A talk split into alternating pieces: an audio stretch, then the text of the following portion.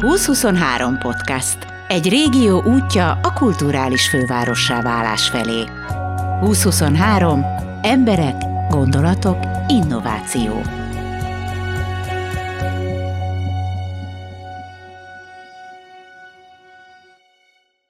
A megoldó lány, aki pályázatot ír, táncol, japán kardvívó és mellesleg börtönt épít Normandiában.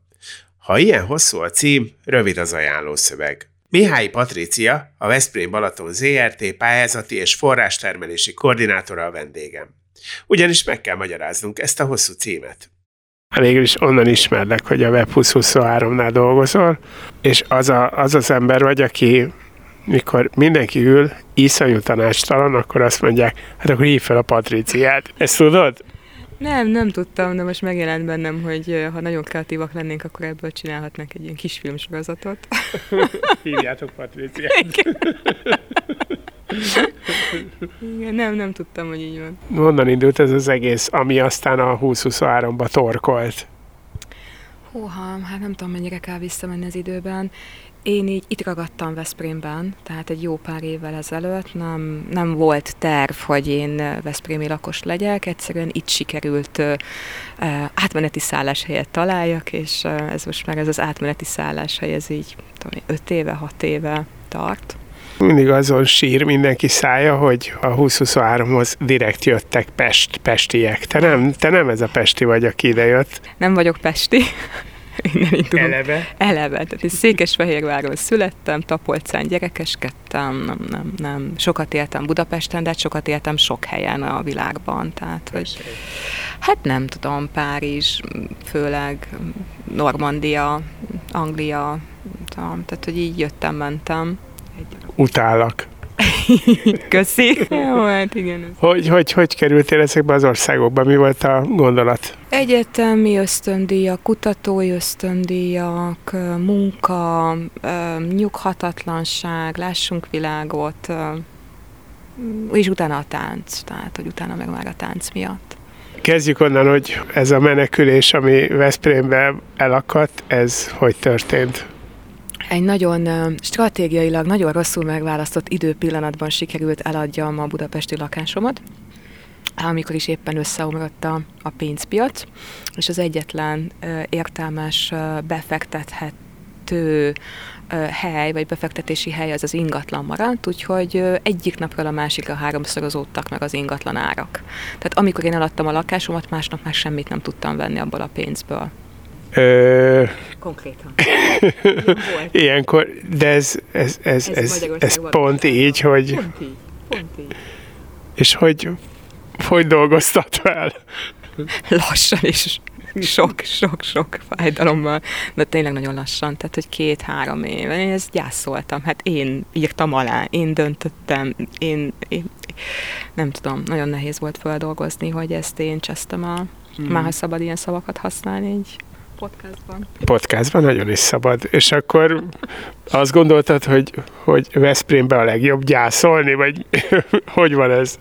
Nem, nem, tényleg, tehát, hogy budapesti albéletet nem tudtam megfizetni, ennyi, és hogy itt barátok hozzá segítettek egy megfizethető lakáshoz. Tehát, tehát ez volt az egyetlen indok, meg hogy egy kicsit ismertem a közeget, tehát hogy én dolgoztam jó pár évet a Schnittberger központban, segítettem annó-annó a Veszprém Festnek a pályázatait, tehát hogy valamilyen Veszprém város annyira ismertem, hogy mikor mentünk a nagymamához, akkor mindig vágyakozva néztem a mackó cukrászdát, de hogy ugye nem lehet megállni a belvárosban, és akkor, hogy így miért nem állunk meg soha az autóval.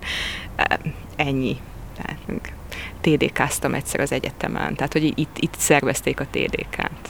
Értem. És akkor úgy gondoltad, hogy a Mackó és a TDK elég ahhoz, hogy ide költöz. Igen, igen, ennyi, ennyi. És akkor mi volt a következő lépés? Elhelyezkedtél, és egyszer csak kiderült, hogy itt lesz az EKF, vagy történt még közben más is?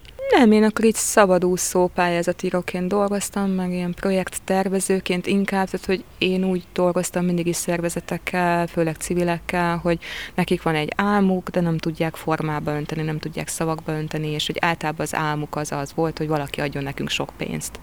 És akkor mondjuk innen így ilyen finoman tanácsadással elvezetni őket odáig, hogy valójában mire van szükségük, tényleg a pénze az egyetlen megoldás, hogyan tudják fölépíteni azt a projektet, azt a tervet, mit írjunk meg hozzá, milyen pályázatot, és ezt hogyan vigyék végig. Tehát kicsit ilyen tanácsadó, projekttervező, coachként dolgoztam velük, nem sokakkal, meg nem, nem azt, hogy így napi 16 órában, de hogy ezt így szabadúszóként csináltam. Ez úgy hangzik, mintha pszichológus lettél volna. Hát, bár csak akkor többet kerestem volna, de...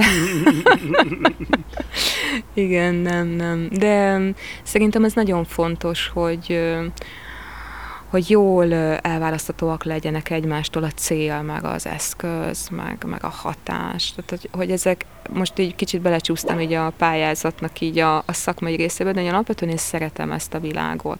Tehát, hogy amitől mindenki fél, meg utálja, meg fúj, meg jaj, meg adminisztráció, ez egy tök szép világ, ebben nagyon-nagyon jól lehet tájékozódni, és nagyon segít így letisztázni dolgokat, gondolatokat, célokat, terveket. Szerintem ez egy szerethető dolog, és hogy én mindig azt mondom, hogy pályázatot nem azért ír az ember, hogy nyerjen, hanem mert ez jó. Pályázatot írni jó dolog. Életemben, életemben először hallom ezt. pályázatot írni jó dolog? Igen. Igen. Hány pályázatot írtál eddig? Fú, hát nem tudom. A legkeményebb szakasz az az volt, amikor öt nap alatt négy nagyon komoly pályázatot kellett megírjak, úgyhogy közben egy, egy szakmai tréningen vettem részt, ami reggel 10-től este 10-ig tartott. És olyankor fölkeltem, be volt állítva az órám reggel négykor, négytől fél tízig írtam, és este tíztől éjfélig írtam. És akkor a maradék három és fél órában aludtál? Így van. Akkor tulajdonképpen örülök, hogy itt vagy. Igen. Nem, szerintem biztos, hogy nem írtam meg sok pályázatot, meg hogy nem, tehát így nem kilóra dolgoztam, hiszen végig kellett menni ezeken a folyamatokon, de mondjuk ez a, ez a szakasz, amikor így nagyon sokat kellett így nagyon rövid idő alatt megírni, az például így, nem is tudom, hogy hogy jött össze ez, a, ez hogy, így, hogy ez így jó. Tehát, hogy kettőt a négyből úgy írtam meg, hogy hát miért ne? Hát ha már egyszer írom, akkor ezt is. Amikor így a pályázatírók kerülnek elő, akkor az emberek általában jó, nem biztos, hogy az emberek, de nagyon sokan azt szokták mondani, hogy jaj, hát ő, ő tudja, ő nyerni szokott. Tudod, és akkor, de lehetséges, hogy ez a nyerni szokott, ennek a nagy többsége ez arról szól, hogy ő tud pályázatot érni. Mind, tehát, hogy nem tudom, hogy mi van a macska körmök mögött, tehát, hogy mit jelent a ő nyerni szokott, és macska körmök. De hogy nem tudod. Jó, nem akarom tudni. tehát, hogy sok mindent jelenthet, és még az is lehet, hogy igaz. Azért nem tudom valójában, mert sosem voltam benne ilyen cégekben, körökben, helyzetekben nem vagyok becsatornázva sehová, nincsenek telefonszámaim, amiket így megcsörgetek, hogy figyelj, bement a pályázat, tehát nincs ilyen. Nem azt mondja, hogy bement a pályázat, azt mondja, hogy mit tudom, mert a kökörcsin éjszaka virágzik. Igen. igen, igen, nem, nem, tényleg nem. Tehát, hogy so, soha nem voltam ebbe benne.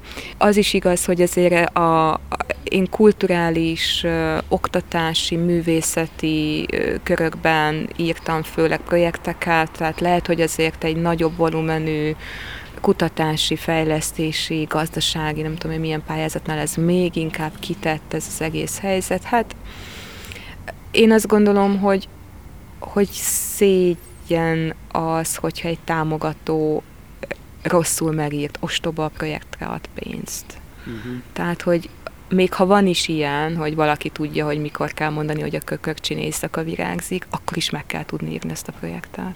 Jó, de hát azért jó, ne, nem erről beszélünk, hanem arról beszélünk, hogy te ezt elsajátítottad, és ha jól sejtem, azt próbálod csugalni, hogy tulajdonképpen az ember jól megéri a pályázatot, akkor, akkor tulajdonképpen csak, akkor már megvan a projekttel, csak meg kell csinálni azt, amit leírt. Megvan a projekt, megvannak jól letisztázott célok, jó esetben megvannak a megvalósítók, tehát tényleg a fejében, megvan egy irány, és vagy kap hozzá pénzt, vagy nem kap hozzá pénzt, és lehet, hogy sokkal kisebben, sokkal visszafogottabban megcsinál belőle valamit, és akkor is nyer. Tehát te ilyeneket tapasztaltál, hogy valaki nem nyert, viszont a projekt valamilyen szinten megvalósult mégiscsak. Én mindenkit erre biztatok, és azt szoktam mondani, hogy azért nem érdemes pályázatot írni, hogy pénzt kapjunk. Tehát az, az nem jó motiváció. Mi a jó motiváció? Hát a cél, hogy mit akarok elérni vele a szervezetemben, az emberek között, a, a, azoknak a körében, akiket szolgálok. Tehát, hogy a pénzért nem érdemes pályázatot írni, mert nagyon picike a, hogy mondjam, a hatásfoka. Tehát, hogy nagyon sok munkával lehet nagyon kevés pénzhez jutni vele. Tehát mhm. azért nem érdemes pályázatot írni, hogy pénzt kapjunk. Most jön ez az EKF-es dolog. Nyilván, ahova kerültél, én azt gondolom, hogy ez egy fontos stratégiai pozíció, amihez el kellett jutni. Azt lehet, hogy kevesen tudják, vagy kevésbé transzparens, hogy az LKF maga ez egy tanuló szervezet. Hiába van tele Európa kulturális fővárosokkal, azt senki nem tudja, hogy a Veszprém-Balaton-Bakony régióban hogyan kell ezt csinálni, mert hogy itt még soha senki nem csinált ilyet. Tehát ezt, ezt nem lehet előre tudni, ennek nincs receptje. Tehát ezt valahogy ki kellett találni. És hogy ennek a kitalálásnak a folyamatában volt egy nagyon fontos felismerés, hogy és ezt mondták egyébként a külső tanácsadók is, hogy, hogy itt nincsenek erős ö, projektszervezetek, itt nincsenek erős rendezvényszervező szervezetek, cégek, itt mindenféle típusú, rangú, szintű ö, szereplők vannak, akiknek vannak különböző széttartó vegyes ötleteik, és ezeket kell tudni becsatornázni. És ezeket kell tudni valahogy így összehúzkodni, meg felkelteni a lelkesedést, kedvet, kíváncsiságot a program iránt. És ennek az eszköze a pályázat. Uh-huh. Hát én ezt szoktam a legtöbbször mondani, a, a pályázóknak is, hogy, hogy felejtsék el azt, hogy mi pénzt adunk kifelé. Nem, nem, nem, mi partnereket gyűjtünk befelé, mi programokat húzkodunk befelé. És hol tartotok? Amikor belefogtam, akkor konkrétan azt gondoltam, az, az egy őszi napon volt, hogy adjanak most már valamit, amiben így kiteljesedhetek, mert nemzetközi kapcsolatok voltak nálam, de a Covid kellős közepén voltunk, és semmit nem lehetett csinálni, és vakartam a falat, hogy munkát nekem. Hát azt megkaptam. hát ez egy nagyon-nagyon-nagyon sok munka, nagyon komoly munka. Hogy szervezetileg hol voltunk, én azt gondolom, hogy amikor elkezdtem, akkor nagyon a remény volt, hogy fú, ez, ez lehet egy nagyon jó dolog. Most ott tartunk, hogy igen, elindult, hiába azt mondom, hogy két év pályázás van mögöttünk, és hát fejből nem tudom a számokat, de 350 feletti projekt, támogatott projekt. Hiába ezek a számok, még én még mindig nem vagyok elégedett. Uh-huh. Mert, mert még hiányzik az a, az a nagyon kicsi plusza, hogy majd ez átfordul minőségbe, amikor elkezdik észrevenni a, a, a pályázók, a projekt megvalósítók, hogy mibe, mibe kapcsolódtak be, hogy minek a részei. Ez még, még egy kicsit mindenkinek homályos.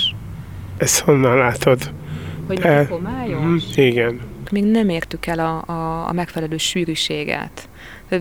Van ez a van ez az élmény, hogy az ember megy ebben a, a szitáló, ilyen páráló esőben, és azt hiszi, hogy, hogy hát ez még éppen, hogy csak egy kis zápor, vagy éppen, hogy csak egy kis eső. És ha sokat megy benne, akkor egyszer csak átázott. Mm. Hogy még nem, még nem áztattuk át teljesen a közeget, tehát hogy még, és ez idő, tehát hogy még egy kicsivel többször hangzik el, hogy ez az LK program része, még egy kicsit több helyen, még 50-szer többször jelennek meg a hashtagek, vagy a szikrák, vagy a nem tudom én mi, tehát egyszer csak telítődni fog a vizuális meg a kommunikációs tér, és majd akkor leesik a tantusz. Uh-huh. Igen, mert még mindig nagyon sok emberrel találkozom, aki, aki azt mondja, hogy hát, hogy ő nem látja, hogy mi történik tulajdonképpen, és, és hol van? Itt ülünk a könyvtárnak az udvarán, itt is van az LKF, mert a lovakterem most újul meg, kap rendes szigetelést a könyvtár, megújul a lélegeztető rendszere, vagy mi ez, hogy ne kelljen nyáron bezárni egy hónapra. Um, lesznek benne új programok, tehát hogy csak itt, ha, ha csak itt körülnézek, itt is azt látom, hogy itt van, de hogy az egész színházkertben nem csak a programokon keresztül, hanem a, a, az átalakításon keresztül, hogyha magam mögé nézek, akkor a teljes egyetemi közeg ebből újul meg, a püspökkert, lesz új garázs, lesz kampuszfelújítás, nem tudom én, sportpálya, tehát hogy tehát akár merre lépek a városban, valójában egy szikrára lépek. Az a kérdés, hogy ez elége. Tehát szerintem mindenki azt várja, hogy elindul majd 2023-as év, és akkor minden nap legyen játék, vagy én nem tudom. Nem, nem tudom, mit várnak az emberek, tényleg nem. Azt jó tudni, hogy maga ez a, ez a cím, vagy ez, a, ez az egész lehetőség, ez tényleg a programokról szól. És azok lesznek bőven, tehát a városban is, a régióban is.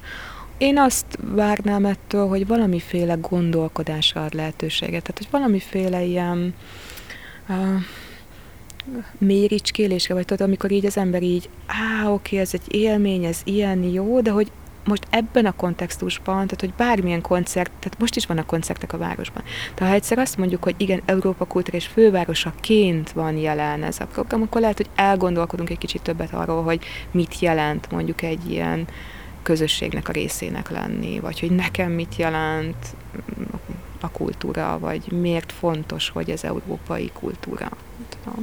Szerintem ezek jó kérdések, és ha nem merülnek föl, is pont ugyanolyan jó beülni egy Szigel koncertre, vagy meghallgatni Lajkó Félixet majd idén októberben lovason, vagy izé, Dressa, hogy fúj, vagy ezek, ezek minden, tehát hogy, hogy ezekben a programokban szerintem az a nagyon fantasztikus, hogy így önértéken nagyon jók. És hogy, hogy semmit nem kell mögéjük gondolni, de nagyon sok mindenre megnyitják a, a kaput, nagyon sok kérdésnek vagy reflexiónak. Most állok ezzel a LKP-s kérdésekkel, mert a végén majd visszatérek, tudod, hát figyelj, olyan felépítménye lesz ennek az interjúnak, hogy sírsz.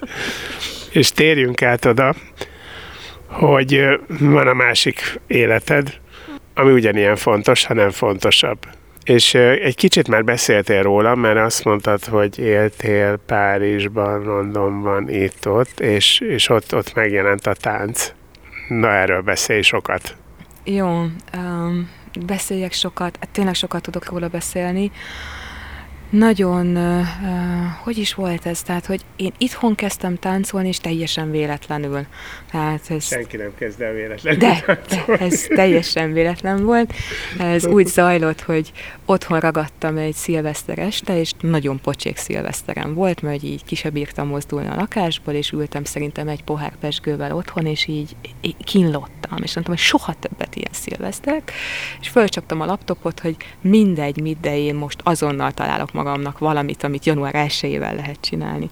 És, ta- és találtam, egy, találtam egy elvonulást, ami persze tele volt, tehát tudom, január 2-től 3-től, teljesen mindegy, egy ilyen téli tánc tábor, de fullon volt, tehát hogy esélyem se volt eljutni. Egyébként valahol Horvátországban lett volna, de mindegy is. De mondtam, hogy nem baj, mikor legközelebb lesz ilyen, én ott leszek. És a legközelebb az februárban volt, és a mellettem lévő utcában Budapesten. Mondtam, hogy jó, remek, akkor be is fizettem magam egy ilyen hétvégére.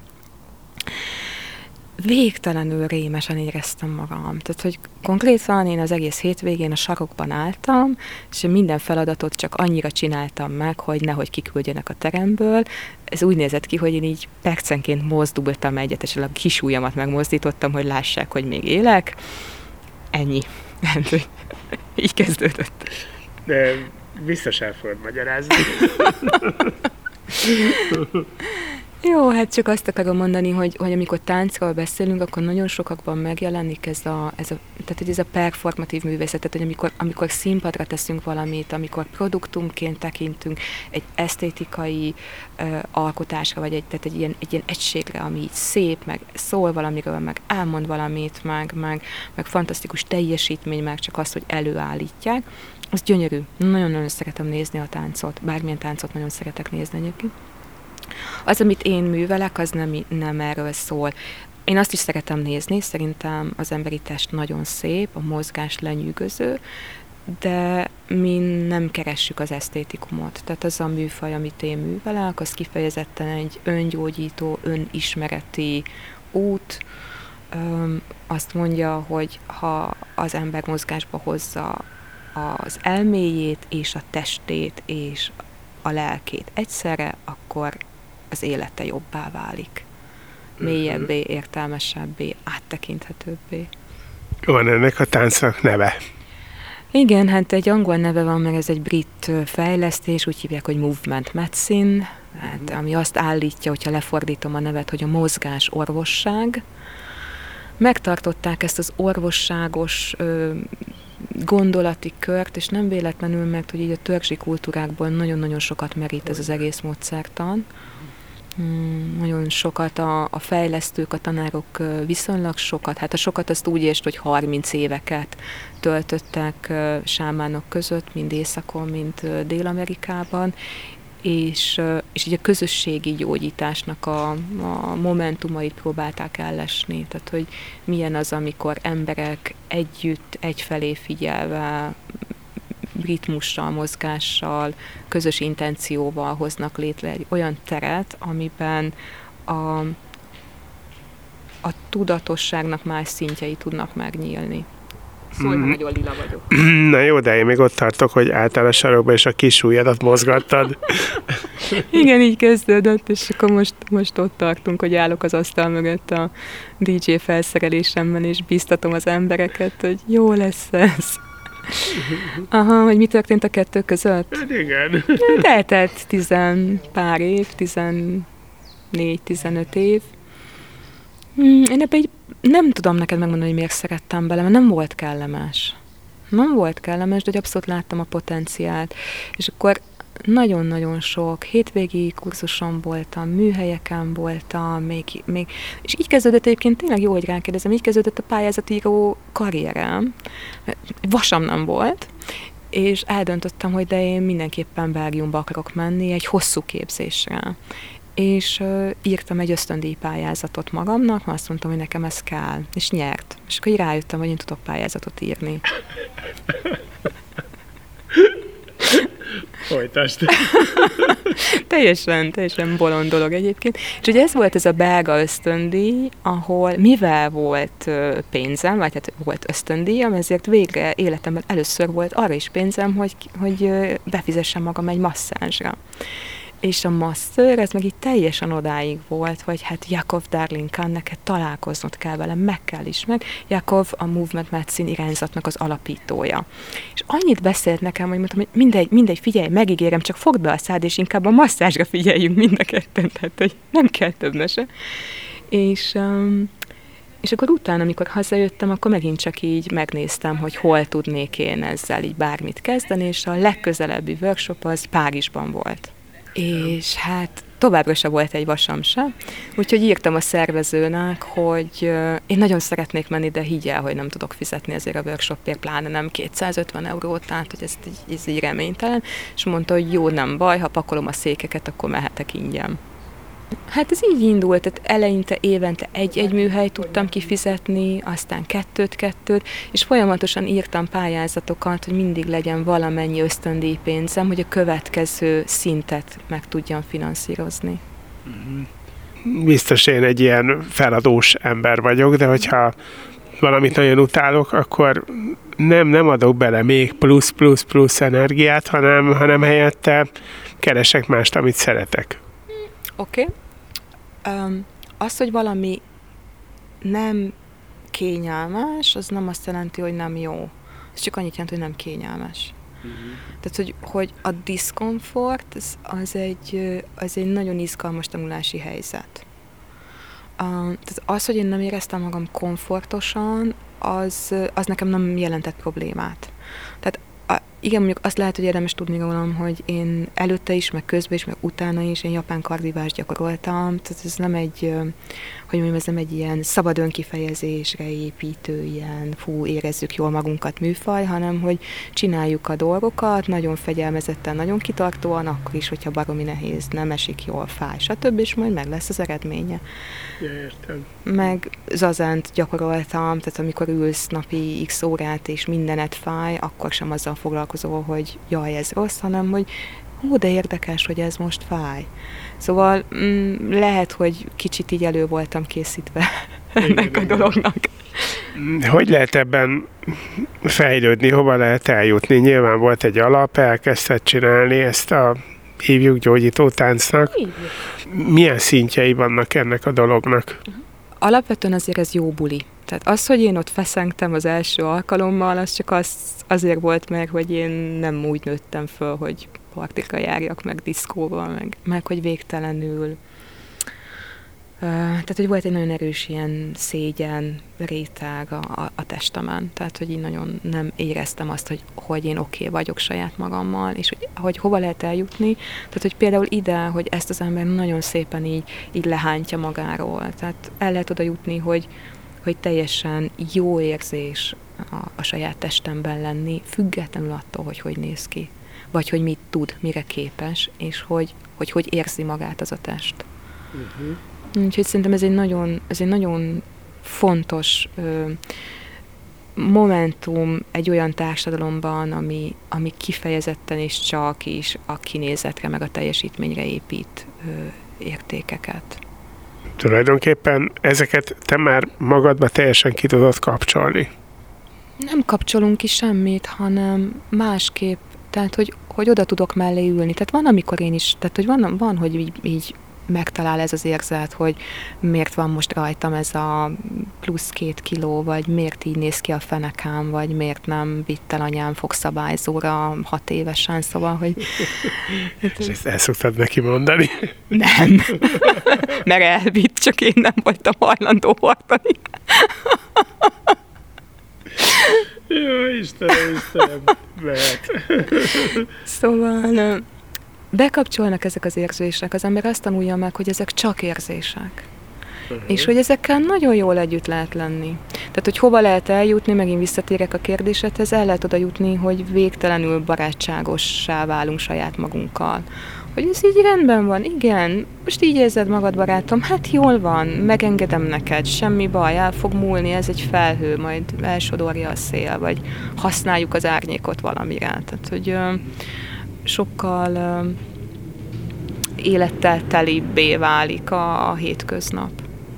És akkor ez úgy néz ki, hogy nagyon hosszú ideig te ezt tanulod, és akkor eljön az a pont, amikor már tanítod? Hát ha az ember tanítani akarja, akkor, akkor tanuljon hosszú ideig, de az eredmények, vagy hogy mondjam, tehát a jóság, az, az nem függ össze az időtartammal. Tehát, hogy nagyon-nagyon jó dolgok bontakoznak ki egy estéből is, egy hétvégéből is.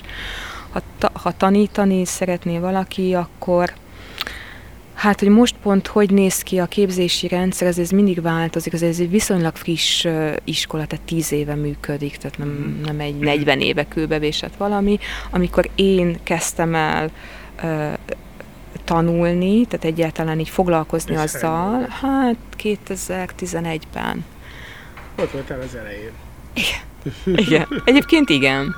Szóval, hogy, hogy, hogy vannak bizonyos ilyen kötelező óra, óraszámok, meg kötelező, vagy voltak kötelező, mondjuk így, hogy témák, amiket meg kellett dolgozni. Mm, ezeket általában ilyen hosszú bentlakásos tréningeken lehet végigvinni, ugye az életszakaszok, a, az önérvényesítés, az önerő, az autoritás, tehát bizonyos témák, amiket tényleg így át kell menni, ez főleg arra szolgál, hogy, hogy az ember tényleg a, a, a saját traumáival azért így valamilyen szintre eljusson, és utána van egy másfél éves ilyen tanoncidő, ilyen intenzív tanulásos szakasz, és utána lehet beiratkozni a tanárképzésre. Tehát ez nekem egy ilyen hat éves projektem volt. Uh-huh. De most már tanár vagy. Képzésben lévő tanár vagyok, akinek meg kellene írni a diplomamunkáját, és meg kellene védeni. És ez ugyanolyan, mint bármelyik egyetemen, tehát egy komoly diplomamunkát kell írni? Hát, igen. Úgy van, hogy le kell tenni az asztalra egy olyan szöveget, vagy egy olyan hm, produkciót, ami gazdagítja ezt a közösséget. Tehát, hogy nem önmagáért való. Tehát valami olyan téma, olyan kísérlet, olyan gondolat, ami másoknak is a hasznára válik, akik szintén tanárok. Ez az egyik elvárás, és van egy 13 kérdésből álló eszélycsokor, amit meg kell írni, meg van két vagy három feladat, hogy jótékonysági esnek a megszervezése, jótékonysági gyűjtés, és hogy olyan közegbe elvinni ezt a módszert, a táncot magát, ahol alapvetően nem táncolnának az emberek. Tehát van benne egy ilyen kis kihívás, ilyen challenge. Ez nem olyan kis kihívás. igen, igen. Szóval, hogy, hogy olyan, mint az egyetem, de nem olyan, mint az egyetem. És ez olyan, hogy, hogy nem kell egyszerre végigcsinálni, tehát most megtehetnéd azt, nem tudom, hogy lehet, hogy mert túl is vagy rajta, hogy oda viszed a táncot, ahol a kutya se akar táncolni. Még nem. Még nem. Mi, mi van meg? A jótékonysági est, meg a gyűjtés, ezeket így szoktam így folyamatosan csinálni, mert szerintem ez nagyon fontos. Mindig faültetésre gyűjtünk évek óta, és minden, minden évben van egy ilyen. Um, és el is ültetjük a fákat cserébe. Fánál jártok. Közösen csináljuk több szervezettel, úgyhogy így nem mondhatnám, hogy ezek csak a mi fáink, de Nógrádban van, és egy ilyen 150 fányi kis mini erdőnk van most. Ez komoly.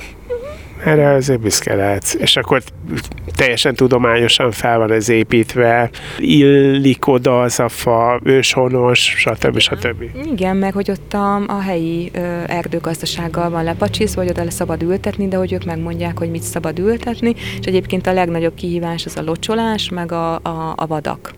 Mert ugye a vadak meg eszik a fát. Igen, mindent, a vadak mindent megesznek. Azok olyanok. Akkor te, te fákat ültesz és vadász vagy. Nem, nem bántjuk őket, csak elkerítjük a fákat, hogy ne bántsák őket a vadak. Hát. Értem. És most is vannak ilyen idők, amikor te elmész és locsolod a fákat?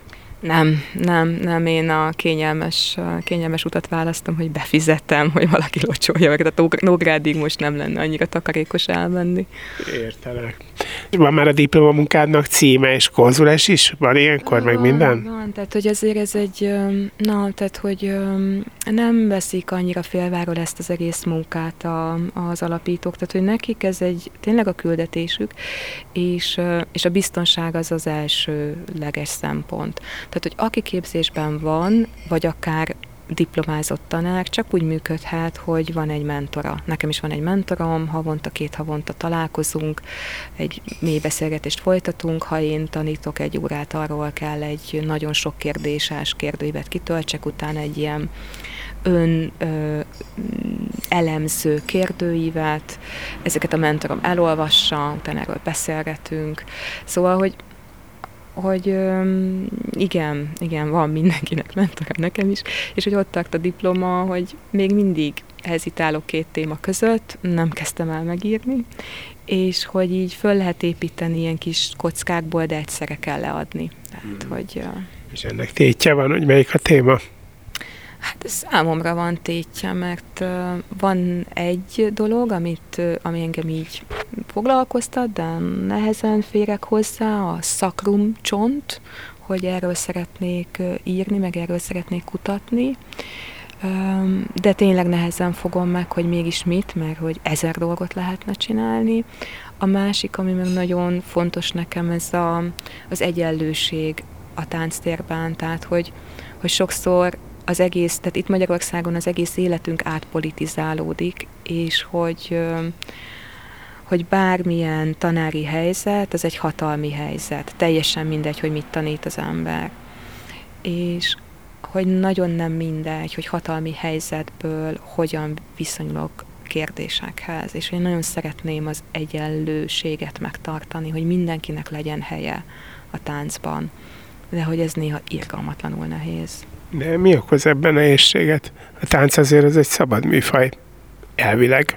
a tánc szabad, de hogy az emberek behozzák a véleményüket, behozzák a hozzáállásukat, behozzák a megkülönböztetéseiket, és hogy nekem az a feladatom, hogy ennek is helyet csináljak, hogy ezt nyugodtan hozzák be. Csak ne reagáljak rá. Tudsz el példát mondani? Húha. Hát az elmúlt évünk bármilyen közéleti kérdése olyan, hogy én nagyon tudatosan ö, rettenetesen visszafogottan kommunikálok erről, mert hogy azt gondolom, hogy ö, hogyha bárki bármit gondol róla, és nem ért egyet velem, ha én erről erőteljes véleményt formálok meg, ő úgy fogja érezni, hogy nem tud bejönni abba a térbe, amit én tartok. Uh-huh. És ez nekem nem az, hogy fáj, de ez kihívás, mert van véleményem. Meg, meg hogy mondjam, tehát, hogy a, a késztetésem, hogy befolyásoljak is, de nem szabad. Ja, értem, de hát az ember, emberhez ez, ez hozzátartozik, hogy, hogy, hogy az, amit ő gondol a világról, azt szeretné elmondani, és szeretné a más is elfogadná ezt igen, de hogy ennek nem a mikrofon, meg nem a tánc teret. Tehát, hogy, hogy ezt így, így elválaszt. És szerintem ez egy, ez, egy, ez egy érdekes téma lehetne, hogy tényleg, hogy, hogy, hogy, a, hogy a, az életünknek, vagy a szem, nem is a személyiségünknek, az életünknek a területeit hogyan választjuk el úgy egymástól, hogy ez ne egy lehasítás legyen, vagy ne egy meghasonlás legyen, hanem hogy egyértelmű legyen, hogy igen, én ezt gondolom, és egyébként pedig amit csinálok, abba belefér az, hogy valaki teljesen más véleményen, teljesen más hozzáállással bejöjjön. És hogy nekem az is fontos, hogy akik mi így együtt vagyunk, persze azok jönnek össze általában egy térben, akik nagyjából azért összerezegnek, tehát hogy valahogy fontos, hogy így, vagy hát így általában azonosan gondolkodnak, de ha valaki valami egész mással jön oda, hadd jöjjön oda. Uh-huh. Aztán majd alakul, tehát vagy kifogja a közösség magából így kicsit így pörgetni, vagy átformálja. De, de hadd, hadd jöjjön. Értem. Hogy néz ki most egy, egy órát, gondolom most már tartasz órákat. A, azt már kifecsegted, hogy, hogy te vagy a DJ. Na jó, kezdjük a zenei stílusokkal. Mi az a, mit, mit kell hallgatniuk a táncolóknak? Hát mindig valami mást. Igyekszem meglepni őket. Um, nagyon sok instrumentális zenével dolgozom, tehát ahol nincsen szöveg, mert nem akarom, hogy elvigye a figyelmet, de egyébként szinte bármilyen és mindenféle zenével, talán egyedül a, a heavy metal okoz kihívást, hogy azt nehezen illesztem be a szedbe. De volt már? Van kettő-három trekkem, amit én nagyon szeretek, és nagyon várom azt a, azt a stratégiai pillanatot, amikor lejátszhatom, de még, még nem került elő. ja. Mi az különben áruld el? Fú, hát van a, van a sólyomének, a Szájleide Sólyó, és ezt egy heavy metal csapat megcsinálta a heavy metal feldolgozásban. Még? És nem heavy metal, de közelít a, a, az István a királyból a koppány ja, dala, meg, meg hát a sámán, tehát hogy a földanya, nappanya. Ja, tehát az, az zseniális, tehát ezt annyira várom, hogy lejátszhassam. Amikor én voltam fiatal, és te, te még nem is voltál, akkor még mentek a srácok ilyen, tudod, ilyen két kazettás magulóval a vállukon, és ezt dörgették wow. az utcán. Hány ember tart veled egy-egy ilyen órán? Változó, de, de mondjuk van egy átlag, tehát hogy az esti alkalom, hogy ez hétköznap este van, és akkor ez a 10 és 20 20-22 között, tehát 22 volt eddig a maximum, az ilyen hétköznap este jöjjünk össze, nincs semmi extra, és mondjuk 9-10 volt a legkevesebb. Uh-huh. Mondjuk azt, hogy valaki most meghallgatott téged, uh-huh. és azt gondolja, hogy ezt azért meg kéne nézni. Hogy hogy kell ennek neki fogni? Mondjuk, hogyha valaki ezen a tájékon él. Itt Veszprémben? Mm. Ó, jaj. Hát... Sehogy. De, de egy picit várni kell, nem tudom, a, a terem az mindig mindenhol egy ilyen óriási kihívás, tehát Budapesten, Veszprémben, szerintem bárhol.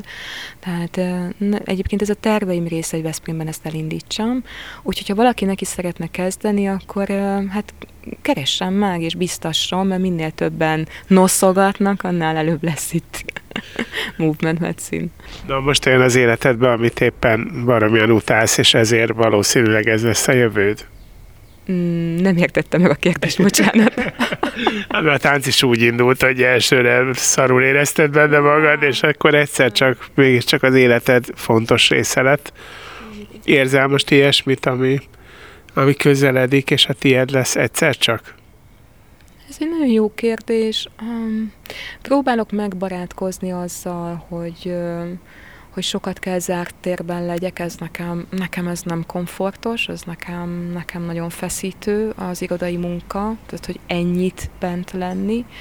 Nagyon szeretném, hogy ez ne legyen a jövőm, tehát hogy ezt ne, de nagyon büszke vagyok arra, hogy nem menekülök el belőle, hanem így ah, oké, oké, ez most neked nem komfortos, nem baj, majd akkor ez még lesz másképp, és hogy, hogy gyűjtöm a muníciót arra, meg így próbálom leválogatni, hogy azt hiszem, hogy most már nem elég tudnom azt, hogy mit nem szeretek csinálni, vagy mit nem szeretnék, hanem hogy mit igen. És még, még ezek az igenek nem egyértelműek.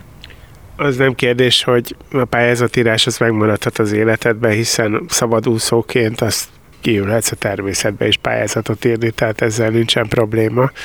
Így van, és Bali pont most vezette be a, a, a digitális nomádoknak járó különleges vízumot, úgyhogy lehet, hogy pár év múlva már Balin fogom rázni, és néha írni a pályázatokat.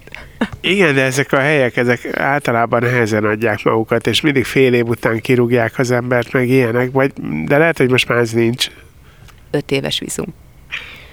Mindennek utána néztem. Lebuktál. De figyelj, és hogyha mondjuk túl vagyunk 23-an, uh-huh. akkor mondjuk eltelik 5 év, és végigjárod ezt a, ezt a régiót, és azokból, amit kitaláltál, mondjuk hány százalék megléténél mondod azt, hogy na akkor jó van, megcsináltuk, jó, szevasztok, megyek Balira. Hát oké, okay, ez is egy nagyon jó kérdés. Százalék, kicsit kötözködöm, tehát hogy valamiféle, igen, tehát én azt hiszem, hogyha akkor leszek, lennék boldog, vagy elégedett, hogyha öt év múlva um, elmozdulást, bármilyen szintű elmozdulást látnék a régióban. Mert a lehető legnehezebb dolog az, az az emberi hozzáállás és magatartásnak a megváltoztatása. Tehát az, hogy most hány követ építünk be, meg hány színpadot húzunk föl, meg hány hőgombát fogunk lerakni, nekem személyesen, nekem teljesen mindegy. De hogyha azt látom, hogy öt év múlva is írnak maguktól pályázatokat az itteni szereplők, mert van kedvük hozzá, lehet, hogy csak három évente egyet, hogy az ötleteiket azt nem a fiókba tartják, hanem megosztják egymással, nekem az, az, az, nekem az elég. Kíváncsiak vagytok arra, hogyan került egy börtönépítkezésre Normandiában? Ha igen, egy újabb podcastot kell majd készítenem, ugyanis ezt akkor mesélte el, amikor már kikapcsoltam a felvevőt. Mihály Patriciát és Gellért Gábort hallottátok.